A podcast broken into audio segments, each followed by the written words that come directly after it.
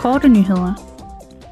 I denne uge blev Europaparlamentet enige om en ændret forordning, der gør det muligt at give et lån på 18 milliarder euro til Ukraine efter Ungarns veto mod det oprindelige forslag. Parlamentet tilsluttede sig rådets forslag om at ændre forordningen om makrofinansiel bistand plus, der gør det muligt for EU-landene at fungere som garanter for lånet. På plenarforsamlingen stemte parlamentsmedlemmerne for planer om at fremme produktionen af vedvarende energi.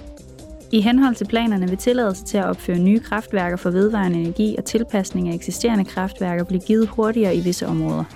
EU-landene skal undgå eller kraftigt reducere de negative miljøvirkninger, der kan opstå som følge af såkaldte områder til fremskyndelse af vedvarende energi. Forslaget forpligter desuden EU-landene til at sikre, at tilladelse til at installere solenergiudstyr på bygninger udstedes inden for en måned. I går talte formanden for Europaparlamentet, Roberta Metsola, endnu en gang om de korruptionsbeskyldninger, der har rystet Europaparlamentet. Hun sagde, We need to send vi bliver nødt til at sende et stærkt budskab til de eksterne aktører, der forsøger at underminere os om, at vi ikke vil give efter, at vi vil stå ved vores værdier, retsstatsprincippet, retfærdighed og retssikkerhed.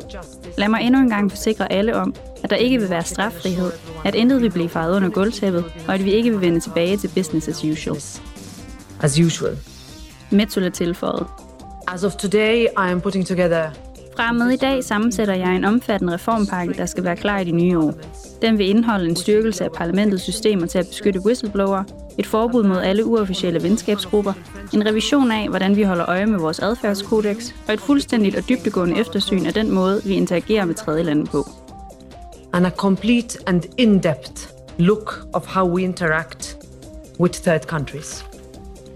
Da hun på et andet tidspunkt talte om det europæiske råd, sagde hun, at Europaparlamentets lovgivningsmæssige prioriteter for 2023 og 2024 er en reform af energimarkedet, klimaambitioner samt at forbedre reglerne for migration og asyl.